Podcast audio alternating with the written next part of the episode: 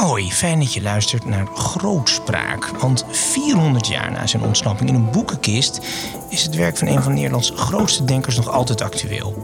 Vanuit Slot Loevestein is dit Grootspraak, de monddood-editie. Het is een podcast waarin ik, Jort Kelder, gesprekken voer in de geest van Hugo de Groot.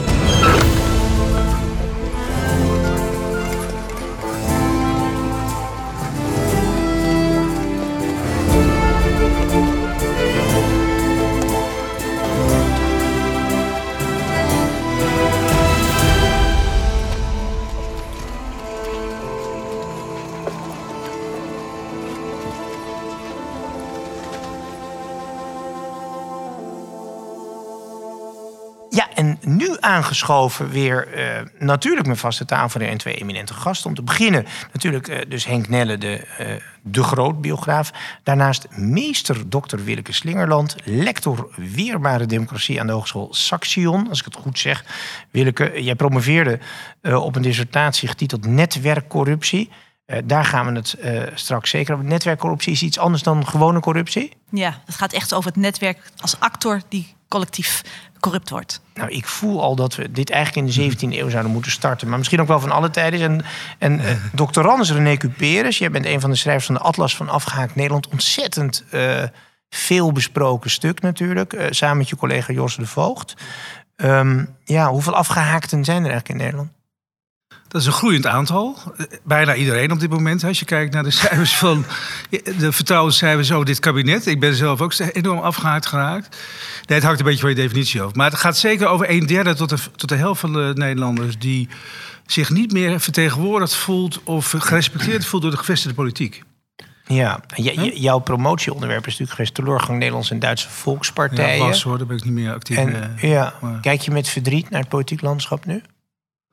Nou, met zorg ja. en waakzaamheid. Want als je zelf huh? zegt als denker, als wetenschapper... ik ben zelf afgehaakt, dan kies je eigenlijk partij. Is dat niet zorgelijk? Nou, nee, dat weet ik niet. Ik, ik heb, onze stelling is eigenlijk... mensen worden tot afgehaakt gemaakt. Ja. Hè? Dus daar komen we natuurlijk zo meteen wel op. Hoe goed. Hè, de, de, de, Martin Wolf had een mooi interview in Buitenhof afgelopen zondag of de zondag daarvoor. Die zei: als elites niet meer leveren, mm. of corrupt zijn, of incompetent zijn, of aan netwerkcorruptie doen, dan veroorzaak je allerlei spanning in de samenleving en dan raken ja. mensen afgehaakt. Ja. En daar maak ik me zorgen over. Daar gaan wij zo over door. Maar ik begin natuurlijk bij Henk Nelle. Want we gaan even naar die 17e eeuw. En dan kijken we naar Hugo de Groot, de regentenzoon uit Delft. Um, die functie, ja, uiteindelijk belandt hij hier natuurlijk in de, op Loevestein in, een, in de staatsgevangenis. Maar daaraan vooraf gaat natuurlijk wel een leven in wilde en in privilege. Ja. Ik wil beginnen met um, een uitspraak van Jonathan Israël, de grote historicus van de Nederlandse Republiek. Die heeft Hugo de Groot ergens een elitist tot in zijn vingertoppen genoemd. En dat, dat vond was ik niet vriendelijk bedoeld, denk ik. Um, het was misschien niet vriendelijk bedoeld, maar het was wel precies een schot in de roos. Ja? En mm, dat kan ik wel even uitleggen als we dan toch de moeite nemen om naar de 17e eeuw terug te keren. Je had hier natuurlijk een, een, een aristocratisch bestuurssysteem. Dat zat in het feit dat uh, uh, er sprake was van provinciale uh, soevereiniteit. Holland, Zeeland en noem maar op. En binnen die provincies. Um, daar had je staten die functioneerden als een soort um, overkoepelend orgaan. En daar maakte deel van uit de verschillende steden. En daar had er in Holland 16 of 17 samen met de ridderschap. En die steden.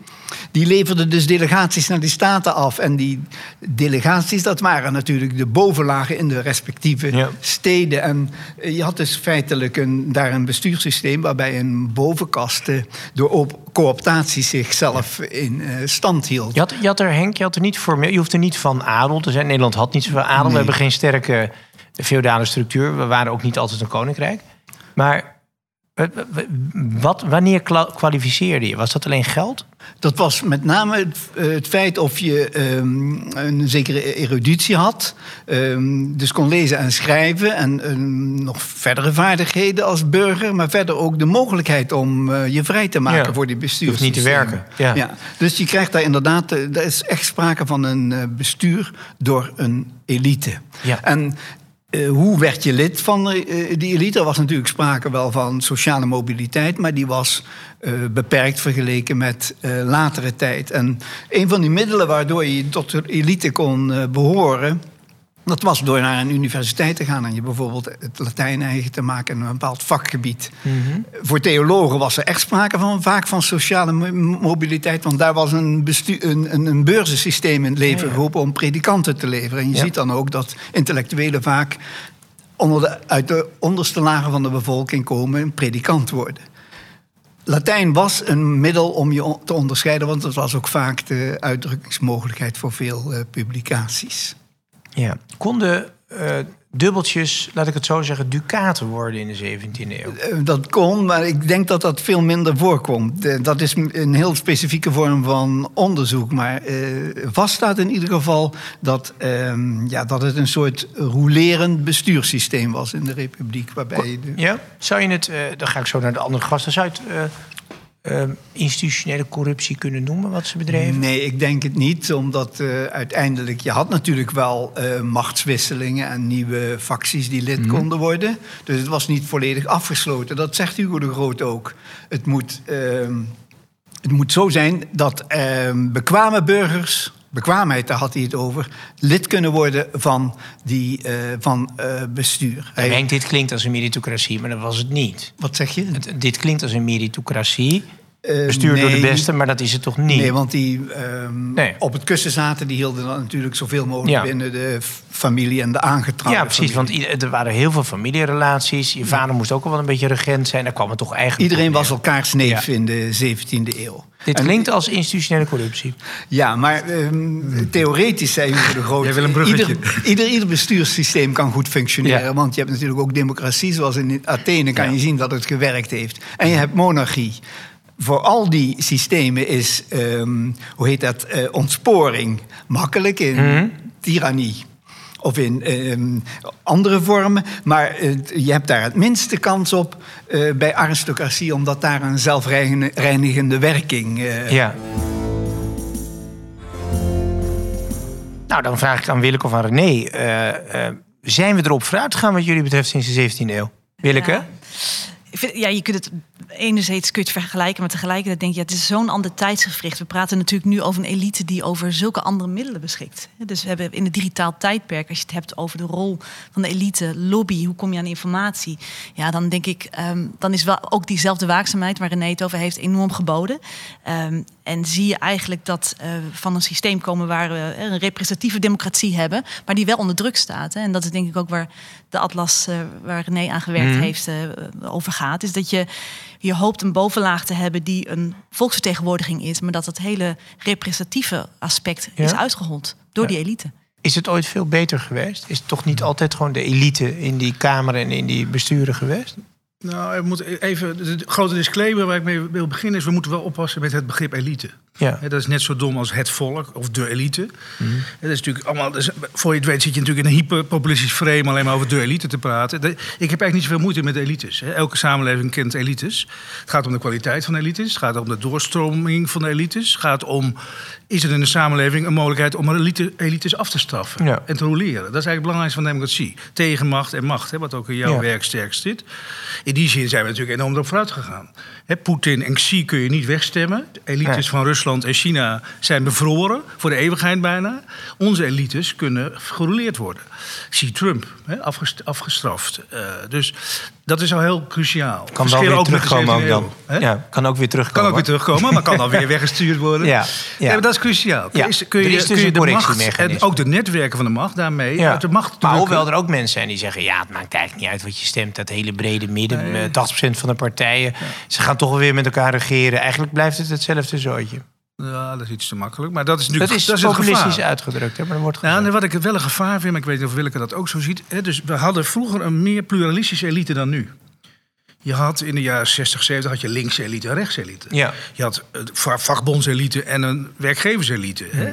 Kapitaal en arbeid hadden eigenlijk hun eigen elites. Is dat nu niet meer? Dat is veel minder zo. Dat is nu, hè, dat is ook uit ons onderzoek komt eigenlijk voor dat het wereldbeeld en de waarde van de huidige grootstedelijke hoogopgeleide zijn eigenlijk consensueel. zijn allemaal sociaal-liberaal, Dat is een beetje wat... cultureel wat- liberaal. Ja, Jelle van Baardenwijk, filosoof, Ja. zat hier net aan tafel. Die zei, eigenlijk is het allemaal links-liberaal globalistisch. Ja, nou, dat is waardoor wij geregeerd worden. Ja, nou ja, dat, met, met ook nog gebrek aan respect voor mensen die anders denken. Ja, Met dus ook voor nog de een morele, en nog verder gaand, ook een morele afwijzing van iedereen die anders denkt. Die anders denkt over diversiteit, anders denkt over klimaat, anders denkt over de postindustriële kenniseconomie.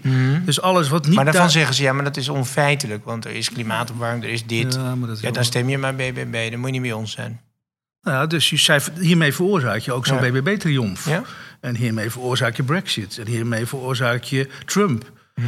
En in Zweden, de- hè, dus de- de- wat we aan het doen zijn, als we zo- zo'n enorme polarisatie hebben tussen de nieuwe elites. En daar speelt ook wel jouw thematiek in van de nieuwe elites, hè, de noblesse oblige van elites. Mhm. We hebben nu een meritocratische elite die heel erg een zelf, eh, in zichzelf gekeerde bubbel is. Zichzelf aan het Met heel feliciteren, weinig- aan het gelijk geven. Met is. heel weinig antenne en empathie voor anderen. Ja, dat is denk ik ook En wat ik dat is bedoel een groot probleem representatieve. Het is niet meer representatief voor het gros Ja, van de samenleving. Ja? Ja. Maar in de, kijk, vroeger had je een Kamerlid, Jan Schever. Daar zijn ze in de Partij van de Arbeid nog steeds lyrisch over. Want die sprak dan de taal van eh, Jan de Arbeider. Dat was een bakker uit Amsterdam. In gelul kun je niet wonen. Maar het feit dat we hem nog kennen... bewijst ook wel hoe uitzonderlijk hij was. Nee, Dus ja, ja, dat in- dat was dat, je- toen waren het toch ook al academici... of adellijke mannetjes of wat dan ook. Ja, Maar dat is niet een goed voorbeeld. Je, kijk, je hebt ook Pim Fortuyn, professor Pim. Hebben we het net over gehad, ja? En die werd gewaardeerd door de mensen. Ja. Omdat hij niet deel uitmaakt van de elite, maar zelfs tegenmacht daartegen Mhm. uitoefende permanent, werd hij herkend. Geldt ook voor Trump. Hè, Trump is natuurlijk ook permanent Ja. in, in, in, in burgeroorlog met de elite van Amerika, Ja. voor- terwijl hij er zelf deel van uitmaakt. Dus het gaat heel erg om. Ebert van der Laan was een voorbeeld. Die, als je, hè, die had wel contact met de gewone Die een brug kon slaan Ja, naar maar je zit je nog in de haarvaat van de En dat is- samenleving. dat is hè? Dus heb jij nog contacten met een heel divers gezelschap. Hè? Ja. En dat, dat zie je, de bubbel waar jij het over hebt. Hè? Dat ook de politieke partijen die eigenlijk ideologisch nog eh, op papier heel verschillend lijken, wel heel homogeen van samenstelling zijn. En elkaar in tal van functies in Nederland tegenkomen. En Ja. eigenlijk in al die belangrijke instituties, in die trias politica, Mhm. elkaar versterken. Ik had van de week eh, voor, de, voor een andere podcast, voor mijn eigen Jordcast, een gesprek met de minister-president. En die zei: een van de mooie dingen van Nederland is dat wij achter de schermen altijd zo goed met elkaar omgaan. Dat de lijnen altijd open blijven. Dus ik kan met Geert Wilders in de gang prima overweg. Ook al heb ik dan in de Tweede Kamer mot met hem. Maar dat is een belangrijke waarde en dat begint af te nemen. Of is dit juist de corruptie die jij ja, goede bestrijden? Want veel mensen willen dan zeggen: ik wantrouw dat, dat kan toch niet waar zijn? We worden bedonderd, zie je wel? Ja. Nou, op het concrete voorbeeld tussen Rutte en, en, en, en, en Wilders vind ik moeilijk om daarop in te gaan. Maar ik denk wel dat op het moment dat er in die trias politica, hè, dus in die Tweede Kamer, er te veel vriendschappelijk is, hè, dan, dan, dan heb je ook een naar binnen gekeerd netwerk. En de Ja. vraag is, zitten onze volksvertegenwoordigers, zitten die zelf nog in die haarvaten van die samenleving? Mhm. Zitten onze ministers, onze staatssecretarissen in die haarvaten van de samenleving? En wat je daar ziet, is dat het wel een beetje hè, de, de Haagse kaastolp, die metafoor is niet het vaak Ja. gebruikt. Zijn eigen je- waarheden ja, zit. Ja, Maar hoe meet je dat dan? Hoe kom je Ja. dan echt tot onaantastbaar bewijs voor het afhaken van die elite en de Ja. Kleinere betrokkenheid bij maatschappelijke problemen? Hoe, hoe kom je tot die vaststelling, zodat je het kunt bewijzen voor anderen? Nou, we hebben, nou, we hebben dat geanalyseerd aan de hand van het kiesgedrag. Je ziet de totale fragmentatie en polarisatie van onze politieke stelsels. De gevestigde orde raakt zijn greep kwijt op de samenleving. Dat verklaren wij voor een deel. En dat blijkt ook uit onderzoek. Dat heel veel mensen herkennen zich niet meer in de gevestigde politiek. Hebben het gevoel dat hij alleen maar met zichzelf bezig is. Het niet ten onrechte of, of, niet. Kijk naar de boerenprotesten. Kijk naar de BBB-vibes. dat daar gaat het over. Dat zie je in Zweden, zie je in Italië. Zie je in Frankrijk is heel, heel gevaarlijk daarin. Hè, met hele sterke flanken. En een politiek midden wat totaal uit elkaar gespat is. Dat is eigenlijk mijn grootste zorg. Hè. Wij waren eigenlijk na de Tweede Wereldoorlog... waren we middenklasse samenlevingen. Mhm. Hè, gebaseerd op de liberale rechtsstaat, democratie en de verzorgingsstaat. Maar ook een zuilensamenleving. Nou, dat was meer in de jaren 50, jaren Nou ja, 30. jaren verder, na die oorlog, ja. Nou, dat was eigenlijk het einde van de zuilen. Oké, goed. PvdA tot de jaren was 60, de doorbraakpartij. ja, nee, zeker. er waren volkspartijen kwamen Ja. in plaats van zuilen. Ja, En die zijn ook niet meer in staat gebleken om mensen bij elkaar te houden. Ja. Dus, dus die PvdA van vroeger, wat je er ook van kan zeggen, van Den Uyl... die verbond Friesland met de Bijlmer. En verbond kleine, de, de provincie met Mhm. de grote steden. Zaanstad en Rotterdam. Dat was allemaal verbonden in zo'n PvdA. Ja. En nu is dat allemaal uit elkaar gevallen. maar goed. Nou, ik En we voor- moeten dus de democratie opnieuw uitvinden.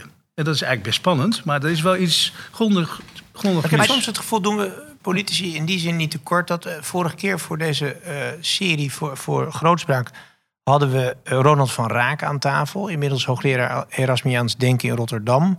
Zoon van een vrachtwagenchauffeur. Uh, opgewerkte arbeider zou je populair kunnen zeggen. Van een partij die alle deuren langs gaat, alle ziekenhuizen afgaat, dicht bij de mensen wil staan. En dat ook doet. Vreselijk hard werken voor heel weinig geld. Ze worden nul geworden. Je zou zeggen, nou, dan hebben zij 60 zetels. Maar nee dus. Dus eh, er zijn wel politici die daar echt, die daar niets te verwijten valt op dit punt. Maar is dus jullie zien een gevaar, maar ik zie oplossingen lopen die niet omhelst worden. Nee, nou ja, ik denk dat in het hele brede spectrum, landelijke overheid, maar ook lokaal, zie je politici zelf ook die behoefte hebben van hoe zorgen we dat die Nederlanders weer aangehaakt worden. Dus de grote vraag van inclusie, participatie. Er komt ongelooflijk veel nu los vanuit de overheid om burgers weer aangehaakt te raken. Maar je ziet, en dat is een beetje hoe ik erin zit, um, dat ik zie dat er met de beste bedoeling allerlei democratische innovatie tot stand komt om te zorgen dat het weer inclusief wordt. Maar dat dat eigenlijk steeds de plank mislaat op het moment dat je in die gevestigde, die geïnstitutionaliseerde belangen, dat je daar niet wezenlijk iets verandert. Wat, wat zou je voorstellen? Nou ja, waar ik heel erg uh, behoefte aan heb. En van de week werd ook uh, het, integriteitsbeleid opnieuw hè, aan de orde gesteld in de Tweede Kamer, onze minister van Binnenlandse Zaken. Dat we ook veel meer gaan kijken van wat is je rol, je positie, je macht, invloed. En hoe geef je die vorm? Waar haal je je informatie van haal, vandaan? Van wie? Met wie hou je je op? Dus dat we veel meer zicht hebben op maar de sociale. Aan wie, aan wie, vragen wij dat dan? Nou, dat we dat aan, aan politici vragen. Dat Mensen die op een kamerlijst willen staan. Ja, maar ook lokaal dus de lokale democratie in deze is, is daarin net zo wezenlijk. Mhm. Dus dat je eigenlijk, ik vind wel echt dat een groot deel van de oplossing zit bij de politieke partijen zelf. Maar het begint al. Politieke partijen stellen heel weinig nog voor. Lokale partijen hebben het grootst mogelijke moeite om überhaupt kandidaten te vinden. En dan gaan we nog hele. Ja. Stellen zij. Nee, ja, het aantal leden van lokale partijen is gering hoor. Maar als je het hebt over de invloed van politieke partijen, die is, die is wel degelijk Enorm. heel groot. Ze hebben het, ja, en dat gaat bestuur in handen natuurlijk. Exact, maar niet alleen de, de gekozen uh, functies, maar ook de voormalige politici, je noemde net een aantal, ja. die daarna ook in het openbaar bestuur, in de wetenschap, in, in adviesorgaan een, een mm. positie krijgen. En dat zijn nog steeds wel uh, mm. partijsympathisanten. Ja. Dus ik heb het idee dat als politieke partijen weer er teruggaan naar de basis van waartoe zijn wij en hoe zorgen wij dat wij echt naar die dwarsdoorsnede van die samenleving, dat we daar contact mee hebben. Mm. En dat je, als je het hebt over het kandidaat stellen voor gemeenteraad, voor staten, voor Tweede Kamer, dat je dat gesprek ook hebt. En wat ik nu zie is dat vooral heel veel uh, nou ja, kandidaat volksvertegenwoordigers okay. gescout worden op hun netwerken, op het ons kent ons. Korte opmerking. Ja, wat me meteen uh, te binnen schiet is, leggen jullie niet de taak te weinig nog bij de burger? Ik ben zelf lid van de gemeente, maar als ik nu kijk naar mijn gedragingen daarbinnen, ik doe eigenlijk niets. Ik profiteer van alle voorzieningen, maar ik ben eigenlijk heel weinig betrokken. En zo geldt dat voor heel veel van uh, mijn soortgenoten. Is het niet zo dat we niet alles maar moeten afschuiven naar de. Ik zeggen, Henk, we delegeren het aan een aantal politici die nee. vervolgens de hele dag de huid vol schelden dat ze het niet goed doen. Ja. Eens. Nee, want ik ben met je eens, Jort. Het is inderdaad zo. Het is moeilijk om lokaal nog mensen te vinden. Je moet het maar willen doen om dit naast je werk raadslid te worden. Voor uh, helemaal je ligt onder vergrootglas. Je doet het nooit ik goed. vergelijk politici altijd met een bestuur van een hockeyclub of een voetbalclub. Iedereen wil voetbal en hockeyen. En die mensen die gaan besturen in een, in een sportclub zij, wordt altijd een beetje gewantrouwd, maar moet het maar doen. Hè? Ja, dat, dat, dat geldt voor politieke partijen. Zijn een beetje de ik vind het een wonder dat mensen het nog willen. Het spijt me. Maar, ook commissaris bij groot bedrijf zou ik ook niemand toewensen. Maar even, jij, jouw studieobject is natuurlijk netwerkcorruptie. Um, waar komt dit in het spel voor? Nou, netwerkcorruptie gaat eigenlijk over uh, een, netwerken die te veel naar binnen gekeerd raken. Hè. Dus netwerken waar juist mensen in positie in Nederland elkaar ontmoeten, mm. elkaars denkbeelden enorm versterken, uh, elkaar vragen, informatie ophalen en het idee hebben dat ze daar het draagvlak moeten organiseren. Nou, wat wij zien in toenemende mate, we doen onderzoek lokaal, uh, landelijk en, en, internationaal, is dat dat echt een soort van ethische blindheid oplevert. Dat je niet meer doorhebt dat je een beetje losgezongen raakt van die mm. samenleving. Het is dus niet corruptie in de vorm van omkoping, maar het, is wel, het zijn wel exclusieve netwerken aan het worden. Dan hebben we een spectaculair voorbeeld, het Haagse voorbeeld van Richard de Mos en zijn stadspartij. Um, nou ja, eindeloze rechtszaak geweest, jarenlang gelopen, uh, vooralsnog uh, volledig gewonnen. Um, dat was dus een partij die jij zei, wij doen ombudspolitiek. Het zijn gewone Haagse jongens met dikke elletjes. En die gingen gewoon voor de mensen van het volk, hè, die ze allemaal kenden. Woont zelf in een rijtjeshuis. Nee, die parketvloer was niet betaald door de maffia. Die had hij gewoon zelf betaald.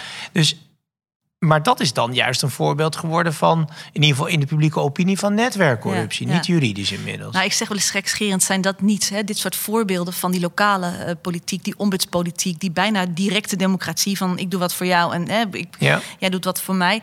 Volgens mij is dat juist een reactie op dat mondaine, dat, dat globalistische. Ik zeg wel eens, is dat niet een reactie op de Uberfaals? Is dat niet een reactie op die grote netwerken van, van, van mensen in positie, hè, met, verweven met het bedrijfsleven? Waar eigenlijk, we eigenlijk geen zicht meer op hebben. Daar vindt besluitvorming plaats. We hebben allemaal gezien ook de positie van Kroes, eh, Macron, maar ook, eh, ook Rutte. Vindt die Uber-affaire met Kroes vind je heel smerig, hè? Ja. Nou ja, Nelly ik Kroes, ik vind- bij Uber. Ik vind de wijze waarop. Of dat, adviseur, ik wat denk dat dat Ja. niet past in de huidige, eh, Nee. de huidige democratie. Dat als je het vertrouwen wilt herstellen, dat je op dat niveau echt dat soort kwesties van heimelijk, eh, nou ja, de, de, de, de lobby die achteraf Ja. plaatsvindt, dat dit een reactie op is. En dat, En stel nou, het is openbaar. Hè? Dus je hebt van die lobbyregisters, alles is transparant. Dan kan je natuurlijk niet zeggen, ja, de baas van Unilever mag niet met de minister-president praten of de baas van Shell. Dat zou ook een beetje raar zijn, want de baas van Greenpeace doet het ook. ja.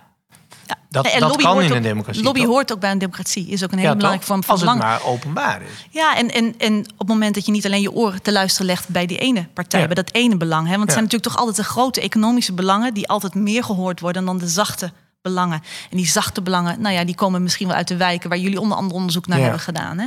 Waar vind je het, eh, René, ontzettend tussen de wielen gekomen door de, door de manier van besturen die wij nu hebben? Wat is er nou zo ongelooflijk misgaan? Want ik kan ook allemaal statistiek op tafel gooien. Van, Kijk eens, rijkste land van de wereld, gelukkigste kinderen. Wat is het probleem? Nou, Los van 20% Eén opmerking over netwerkcorruptie. Ik vind dat een hele catchy term. Ik vind hem wel een hele zware term.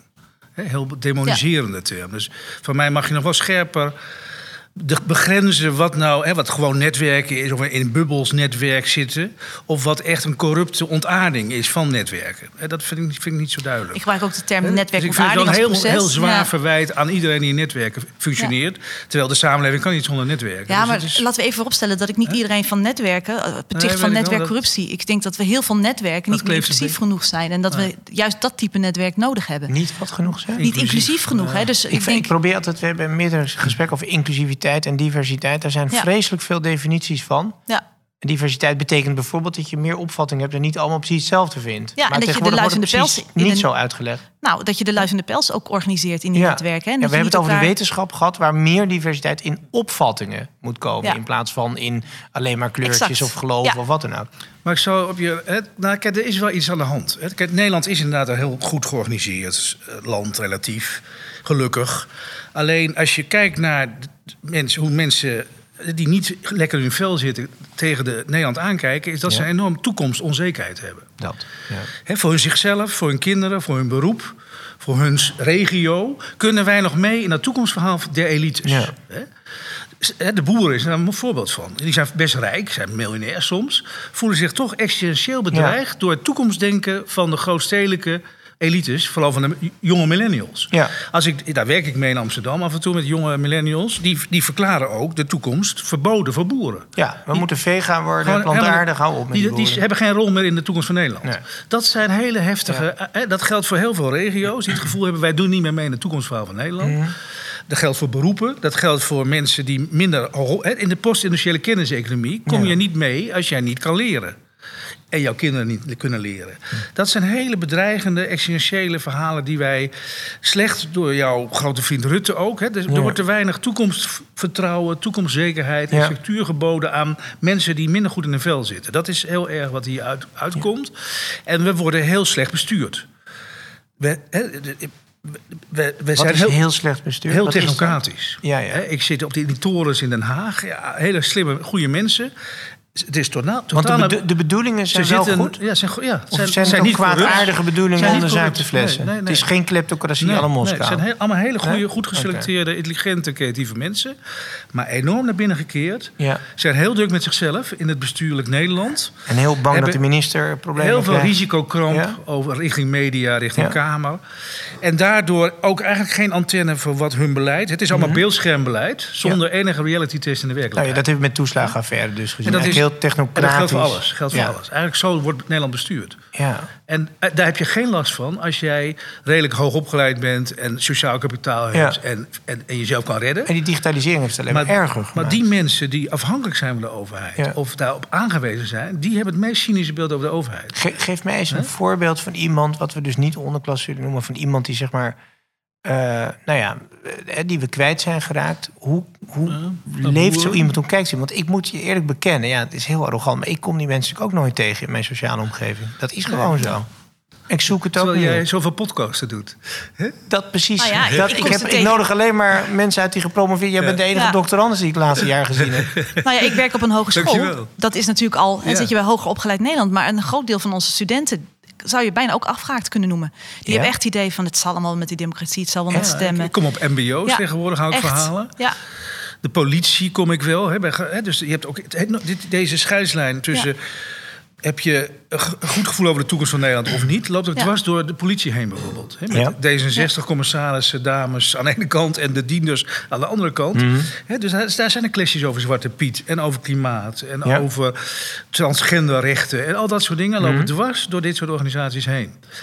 En dat kom, je, ja, kom je dat echt niet tegen? Nou, je, ik, Jij als ik goed kijk wel, maar ik kom wel in een... Op, Ja, op Waddeneilanden loop je toch ook rond en zo? Ja, maar dan ben ik best wel geïsoleerd. Oké. toch? En je, je trekt snel naar Ja. mensen toe die van je eigen Ja, ja. soort zijn. Dat is, klinkt lom, maar dat is dat natuurlijk is- toch zo. Ja, maar wat er Ja. gebeurd is, is er is een explosie van hoogopgeleiden gekomen. Ja. Hè, 60% van Amsterdam is nu hoogopgeleid. Hè? Ja. En counting. Wordt 70, 80%. Wordt Vandaar dat ik totaal- nooit een loodgieter kan Totaal krijgen. hoogopgeleide stad van Nederland. Hè? Ja. Waardoor je dus nooit meer... Het is pure apartheid, seg- Ja. segregatie geworden. Apartheid, mooi woord. In Apartheid. dit geval. Binnen die stad. Ja, er was een onderzoek laatst van CBS Nou, ook of op SCP... wijkniveau natuurlijk. dat de menging tussen hoogopgeleide en laag, mid- middelbaar opgeleide... het slechtst in Amsterdam is. Ja, er werd altijd gezegd, vroeger trouwde de zuster met de dokter... en nu trouwt de dokter met de dokter. Want de vrouw is ook een dokter. Ja. Ja, nee, dat is maar dat actief burgerschap, hè, homogamie. Waar, we, waar we net even op hinten ook. Van, is, het de elite? Zijn het de netwerken die moeten veranderen? Of is het ook iets van ons burgers? En ik ben benieuwd hoe jij erover denkt. Ik kan in ieder geval vanuit, eh, vanuit mijn eigen onderzoek zeggen... dat ja, er is natuurlijk heel veel eh, ook geïnitieerd op het gebied van... hoe activeer je die burger? Burgerschap kent niet alleen plichten. Wie draagt die democratie?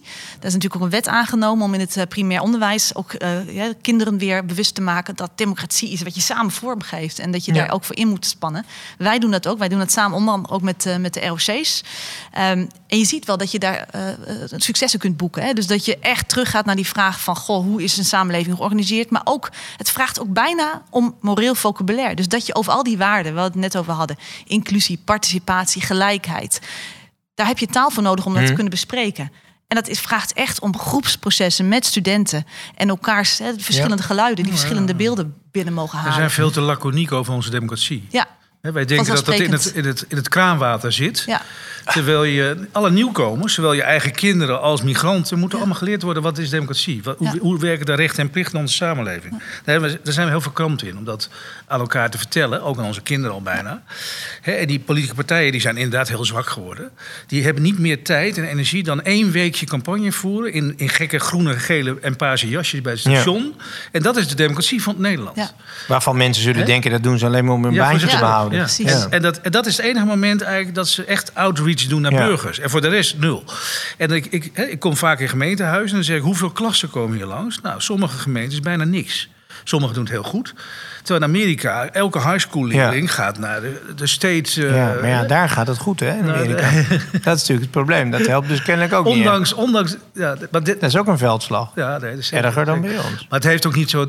Kijk, het gaat om veel grotere verschuivingen in de wereld... waar dit door ontstaat. Maar, maar oké, die- we worden bestuurd door een elite. Je hebt moeite met het woord, maar in ieder geval door een bestuurderslaag, politici-laag, die kennelijk weinig contact met de minder fortuinlijke hebben. Ehm, ze maken een digitaal systeem de laatste jaren. Dus een overheid die efficiënter moet gaan werken, maar die ook democratisch werkt in die zin dat iedereen het zijne krijgt. Eh, maar dat pakt dus hopeloos verkeerd uit, precies bij die, bij die onderlaag. Hoe ga je dit nou fixen? Want je kan niet terug. Kijk, nu beloven ze. Kijk, wat de politie volgens mij nu doen is. Er is gedoe. Nou, dan identificeren we een paar slachtoffers. Heel veel geld. 5 miljard, 10 miljard, 50. Maakt allemaal niks meer uit. We drukken gewoon leuk geld bij. Leidt tot nul Dat vertrouwen. Leidt tot nul Dus vertrouwen. maar na een tijdje het geld op en dan beginnen we weer opnieuw. Ehm, en het idee van, ja, iedereen gaat nu maatwerk krijgen. Iedereen krijgt nu, maar dat kan een overheid natuurlijk nooit waarmaken. Met zoveel mensen die bijvoorbeeld een toeslag krijgen. Je kan moeilijk 7 miljoen ambtenaren klaarzetten. Hoe, hoe gaan ze dit? Ja, het is wel grappig dat je het over, daarover hebt. Want ik sprak gisteren nog een aantal gemeentes die gezamenlijk dan een app hebben ontwikkeld. Een soort buddy-app. Waarbij je dus, uh, nou ja, uh, burgers bewust maakt van hè, risico op schulden en dergelijke. Mhm. Nou, blijkt gewoon niet te werken. Hè? Dus die app, daar zit de afgehaakte burger in de schuldenprobleem helemaal niet op te wachten. Dus er zit al in heel veel dingen die goed bedoeld ontworpen worden in Ja. dienstverlening. Zit al helemaal niet meer dat, dat gevoel van over wie, voor wie doen we het en hoe kijkt en hoe voelt deze burger zich. Mhm. Ehm, volgens mij moet je op een aantal schaakborden eh, gaan inzetten. En dat is toch wel die bewustwording, dat, dat openbreken van, de, nou, van, die, van die netwerkbubbel. Ehm, en volgens mij moet je daarnaast ook gewoon echt wel weer de wijken in. Hè. Dus wat je ziet, de successen die wel geboekt zijn, waar kun je de, de burger aanhaken, is gewoon weer met bepaalde flyers in het kader van energiearmoede. Gewoon door, eh, door de bus doen.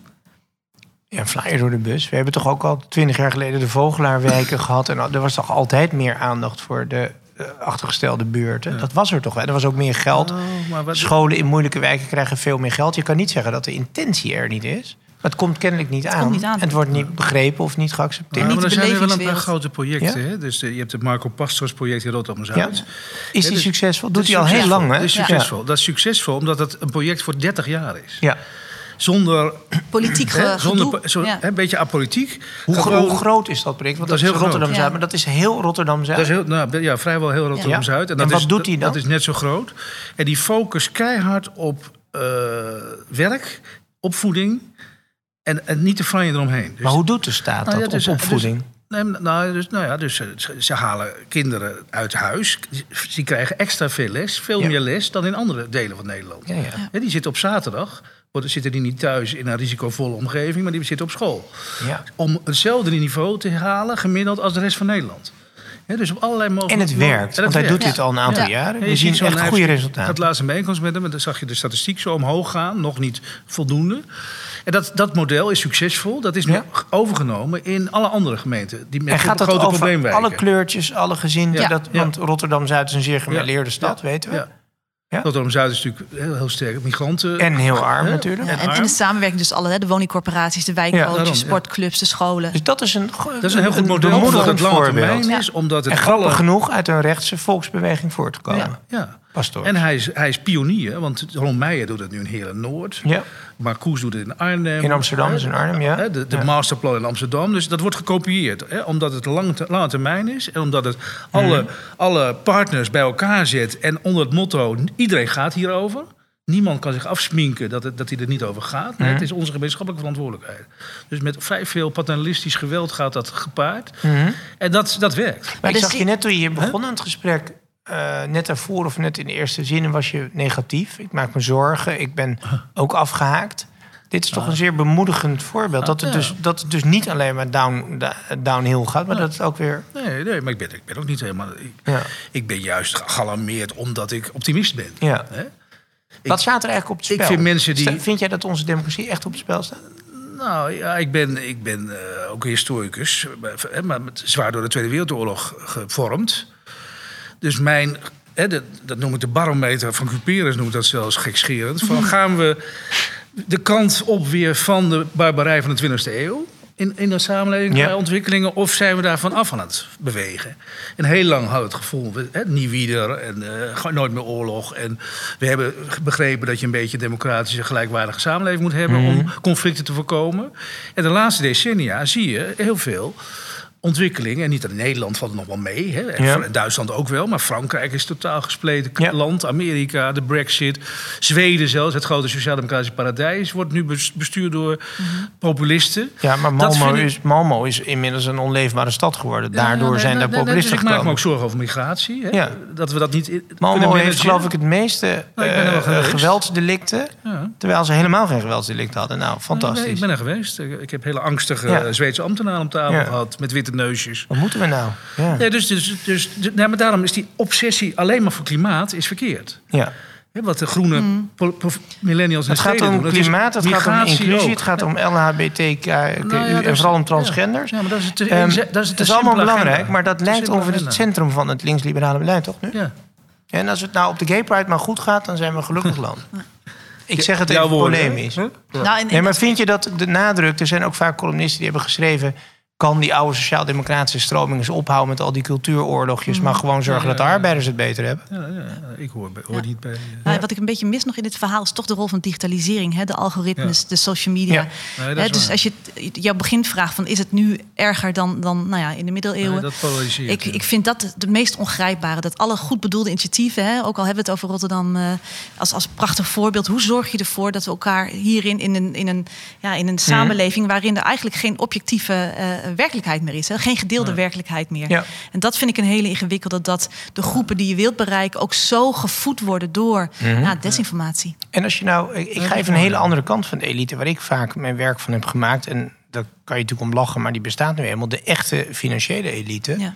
Ehm, wij hebben een collectieve, se- op een economie, een collectieve sector die bijna de helft van de economie uitmaakt. Dus een enorme rondpompsysteem van welvaart, herverdelingsmachine. Uit allerlei rapporten blijkt dat we het meest vlakke land, zelfs qua vermogen zijn, zeker qua inkomen. Inkomen zijn we het absoluut het meest geniveleerd. Stel nou de elite, want ik zie het gebeuren, zegt: als jullie allemaal zo boos op ons zijn, dan gaan we toch lekker in Zwitserland wonen. Een land zonder elite. Ik zie het gebeuren. En er zijn er echt, ik, denk, ik, kan, ik heb de cijfers niet, die zijn er niet. Een substantieel deel van de echte grote vermogens. Ik heb vo- vorige week toevallig nog een column over geschreven. Vermogens boven de 10 miljoen heeft Nederland er uitzonderlijk weinig. En de verklaring, wat mij betreft, is omdat ze al in het buitenland wonen. Dat is eigenlijk ook geen goed teken. Want die voelen zich hier, ja, wij, hebben, wij zijn, worden behandeld als een soort criminelen. Daar hebben we gewoon geen zin in. Dus ze houden hun huis in Amsterdam. Maar ze wonen in Zwitserland, in Engeland, inmiddels in Italië. Ook omdat het goedkoper is, maar ook vanwege het humeur. Ik kan me daar iets bij voorstellen. Ik heb dat zelf eh, niet, niet onderzocht. Eh, maar de vraag is natuurlijk wel, wat, wat, ehm, wat, ja, wat, wat drijft hen nog meer naast het, het, het, het zorgen voor je, voor je eigen eh spaartegoeden? Ja. Weet je, volgens nou, mij ik denk gewoon prettig wonen, eerlijk Ja. gezegd. En niet, niet uitgescholden worden de hele dag. Ja. Maar ze kunnen... Kijk, ze zijn niet zielig. Laat ik even niet overdrijven. Alleen, het is een perspectief wat nooit gegeven wordt. Stel nou de elite zegt... nou, zoeken jullie maar een ander land om... eh, even, we gaan, Nee, hè, zoek ik- het uit. Wat ik, mijn kritiek op die elite, of een andere elite, Mhm. is... Waar, waar is noblesse oblige? Waar is je... Nou, ik ken er heel veel, je- hoor, die heel veel Nou, goeds nee, doen. Nee, maar Ja. het is niet weggaan. Maar, Maar niet waar, waar zijn de. Savatis? Waar Ja. zijn de Philips? Ja, dat is waar. Hè, waar zijn de mensen die hun ge- vermogen inzetten voor goede doelen of voor instituties? zijn er. Die, die zijn er gelukkig Heel Van is de net forums en opgeknapt zo. van En ik- nee, ik ken ze wel. Er zijn een aantal van die stichtingen. Maar in Amerika is het verplicht. Hè, dat doet elke rijke, heeft zijn Ja. eigen bibliotheek of ziekenhuis, omdat daar geen verzorgingsstaat is of minder. Bij ons Maar- is het een beetje nee, in dat- between. hè. Ja, maar zij denken natuurlijk... de Iets verzorgingsstaat is sinds de Tweede Wereldoorlog... is gewoon een solidair systeem via hoge belastingen gemaakt. Dus laat eh, de overheid het even lekker doen. Eh, in een land waarin eigenlijk alleen maar lelijk gepraat wordt over rijke mensen. En nogmaals, ze zijn bepaald niet zielig. Maar dat is sinds jaren Duiken 70 ze. En, in, en, en een nouveau riche, eerste generatie Amerikaan, is trots op zijn geld en geeft het weg omdat hij het aan het land te danken heeft. En een Nederlander denkt, als ik dat doe, dan zeggen zij, wat een proletar geeft zijn geld weg. Dus hij kan het toch niet goed doen. Dat is het dan. Maar ik ken heel veel En goede Van doelen. Ende doet het. hè, Die heeft Ja. het gedaan met zijn eigen Maar niet ten nadele van deze sympathieke initiatieven. Het zijn natuurlijk hele cr- concrete projecten waar vaak geld in, in gestoken wordt. Maar de vraag is of je daarmee hè, de, de, de, de root cause, hè, de, de grondoorzaak van waar we het hier over hebben, of je dat ermee tackelt. Is het niet, wordt het, verwordt het niet heel gauw tot een vorm van window dressing? Van kijk ons wel even wat sympathieks doen. Ik heb regelmatig gesprekken met de ronde tafels, de, de, de probussen van deze wereld, hè, de, de, de gepensioneerden en deze, die terugkijken op hun leven, hun schaapjes op bedrogen. En die toch geraakt worden door het idee van netwerkcorruptie. Die het enorm herkennen van wij hebben toch al die tijd ons vooral opgehouden met elkaar. Ja. En we willen heel veel sympathieks doen. En we sponsoren die, die sportwedstrijd en die culturele instelling. Of we doen wat in, in die wijk. Maar structureel verander je niet het grote probleem van is er vertrouwen in die overheid en heeft die Ja. overheid vertrouwen in die burger. Dat is toch de basis waar die democratie op moet draaien. En dat krijg je met dit soort sympathieke initiatieven. Ja. Ja. Tackle je dat niet? Mooi gezegd. Ja. Nee, daar, daar zit wel wat in. Eh, maar maar de, het ging even over het vertrek van die, van die rijken. En, en ik, ik zou iets meer maatschappelijke verantwoordelijkheid van rijken willen hebben.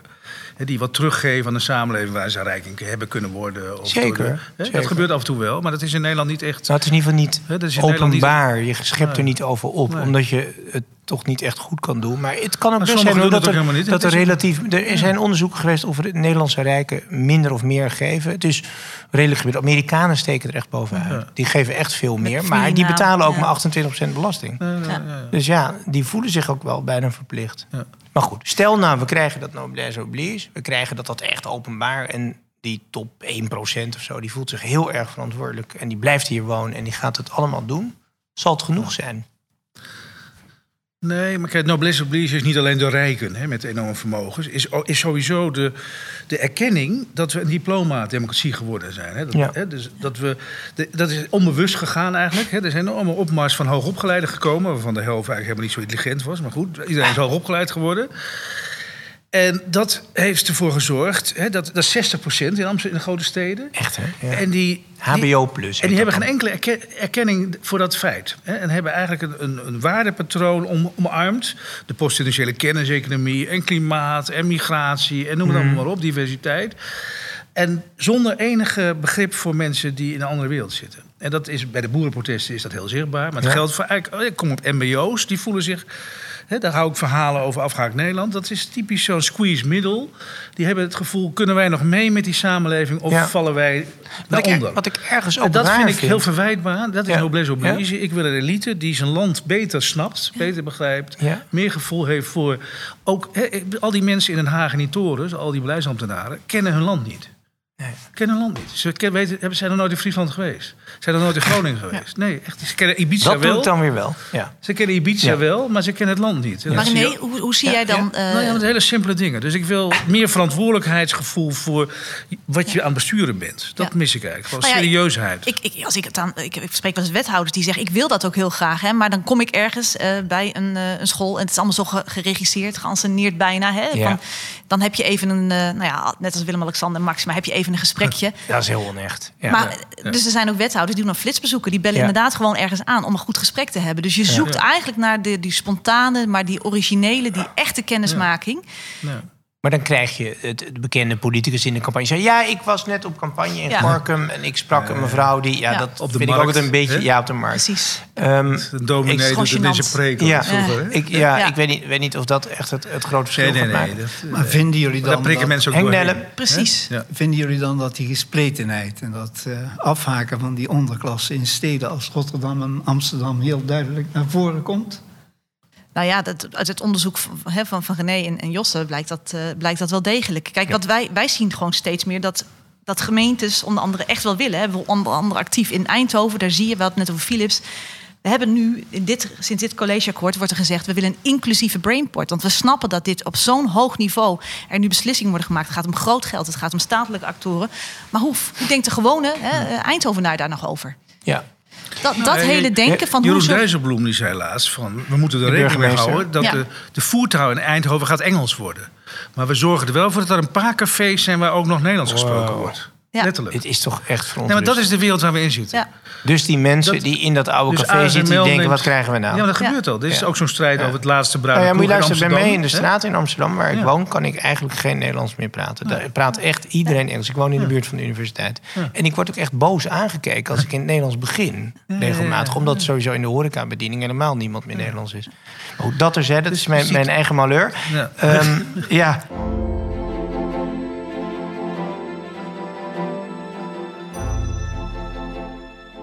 We hebben eerdere gespreksrondes gehad over opstand. Het recht op opstand. In de tijd van de Groot tegen de Spaanse overheersing eh, verdedigbaar. Ehm, wat, ik vroeg eerder, wat staat er op het spel? Is het, kijk, die gele hesjes in Frankrijk, die is latent aanwezig. Het leek even spannend. Macron is werkelijk bang geweest van een machtsovername. En een, goed, die Fransen, daar gaat natuurlijk altijd het bloed door de boulevards. Ehm, is dat wat hier ons kan gebeuren? Want je zou ook als cynische elite kunnen zeggen... nou, weet je wat, we hebben ons best gedaan. We hebben 400 miljard belastinggeld opgehaald. Ze zijn nog steeds boos. 20% komt niet stemmen. Jammer dan. Kun je doen. Dat is een gok. Wat gebeurt er dan?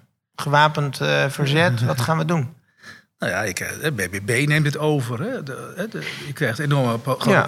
je krijgt- die moet het dan wel waar kunnen Je maken? krijgt in Italië is nu een Ja. post, hè, postfascistische populistische regering. Die, die het best goed schijnt te doen ook nog. Hè. Die wordt dan, iedereen maakt daar enorme paniek over. En voor- vervolgens wordt dat niet meer gevolgd door de media. Ook zo bizar. Hè, daar horen we nooit meer wat over. Heel, heel, het is altijd heel merkwaardig. Nou, nee, Maar, maar je zegt zelf is- postfascistisch. Je hebt ook een taalgebruik natuurlijk. Het is Ja. postfascistisch in sommige opzichten. Ja. Maar het framet het Nee, maar zo is het wel geframed. En, Ja. en vervolgens heeft niemand er meer interesse Nee. in wat die regering nou precies Ja. wel of niet doet. Vind ik een beetje merkwaardig. Nee, maar het- kijk, de angst is natuurlijk Trump.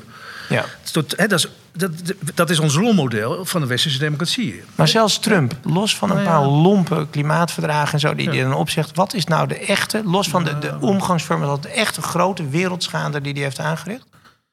Nee, maar wel Het buitenlands beleid is hetzelfde. Nee, maar wat kijk, gaat, zie je al lachen, maar het buitenlands beleid is precies hetzelfde gebleven. Ook jegens China. Dus ik zeg niet dat Trump geen verschil zou kunnen maken. En er kan misschien, kunnen misschien enge dingen gebeuren als Nee, maar die gekozen wordt. Maar, capital- capital maar er wordt een soort toon gemaakt van het allerergste wat er kan gebeuren. Ja, dat is Nee, maar die. Capitol Hill opstand, daar Dat is hebben we het over. Dat is niet Ja. Trump, dat, is Nee, maar wat- ik bedoel, maar ook dat zijn de krachten die het losmaken. Nee, maar dat is afschuwelijk. Ja. Maar, maar Nou ja. inhoudelijk het beleid in Amerika... Het voornamelijk wat hij heeft gedaan is niet zijn belofte nakomen... dat hij goed zou zijn voor de mensen die op de Rust Belt woonden. Daar heeft hij niks aan kunnen doen en willen doen misschien zelfs wel. Nee, maar wat heel ernstig is, hè, onze democratie is, hè, dat noemde jij zelf straks als voorbeeld, hè, dat Wilders en Rutte nog door één deur kunnen. Ja. Dat is, jij noemt dat netwerkcorruptie. Ik vind dat iets Dat moois. niet hoor. hè, nee. Ik noem dat geen netwerkcorruptie. het mooie, nee. je hebt His Majesty's eh, Opposition in Amerika, of in Engeland. Hè. Dus ook de oppositie is, hoort bij de majesteit. The most honorable... Ja, zo Dat gaat is heel bijzonder. Dat Ja. is, kijk, e- echt in in een niet-democratie heb je vijandschap tegenover elkaar. Carl Schmid. Dan roei je elkaar uit bijna. Ja. Dan is het, hè, dat is bijna in Frankrijk is dat zo. Le Pen mag niet aan de macht komen. Dat is niet zomaar een electorale concurrent. Nee, dat, die mag, er moet alles aan gedaan worden Ja. om die niet aan de macht te laten komen. Dat is een ontwikkeling van onze democratie, die, eh, wat Trump Ja. ook een beetje is. Dat is vijandschap, hè, democraten en republikeinen, in plaats van electorale concurrentie. Ja. En dat is het einde van de democratie u- uiteindelijk, als het dat wordt. Zou het goed En dan, zijn dan als... komen we weer in de tijd van Hugo de Grote. ja. Zou het niet juist goed zijn als nu ook de intellectuelen zoals jij zich achter BBB opstellen en zeggen: laat het maar eens een keer gebeuren? Ze slaat een redelijke toon aan. In die onderhandelingen zie je geen extreme dingen. Misschien moet het maar gewoon. Hè? Ik heb in de NSC dus analyse geschreven de dag na de verkiezingen. En BBB verwelkomt Ja.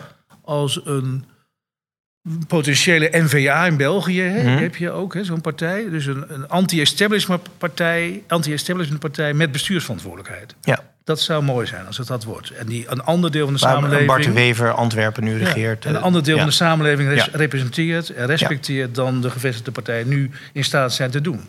Dat zou de Maar dan heb beste je dus een stuk afgehaakt Nederland, wat weer aangehaakt Ja. is dankzij hè, Ja. dit. eh, Maar, nou ja, dan, weet je- maar dan is de verantwoordelijkheid nog groter. Want dan Ja. moeten ze het waarmaken. Ja. Dan kan je niet alleen Ja. maar boos op de overbuurman zijn. Nou, Nou, had ik een, En, ja, en ik blijf het zeggen, de rol van geld in deze, hè, dus wie eh, betaalt, bepaalt, vind ik echt een hele zorg voor überhaupt voor de democratie. En daar zit ook een stukje eh, elite achter. Maar In het geval van stuk- zeggen ze... de agro-industrie financiert de club. ja, ja, ja, en de vraag Of is dat wel. een onheuse aantijging? Eh, nee, ja, dat is, dat is eh, wel, dat is wel Ja. bewezen dat daar grote, hele grote eh agro-lobby achter zit. In combinatie met een hoop eh, desinformatie. Ja, als dat de wijze is waarop je toch mensen wil aanhaken, dat baart mij ook wel weer heel erg zorgen hoor. maar- ik vind het geen vrolijk gesprek, jongens. Jawel. Ik, ik ben... Ja, Er zit ook heel veel Alle ogen op optimisme doorheen. Alle ogen op wel? Rotterdam. Luister het eens terug. Ja. ik ga terugluisteren.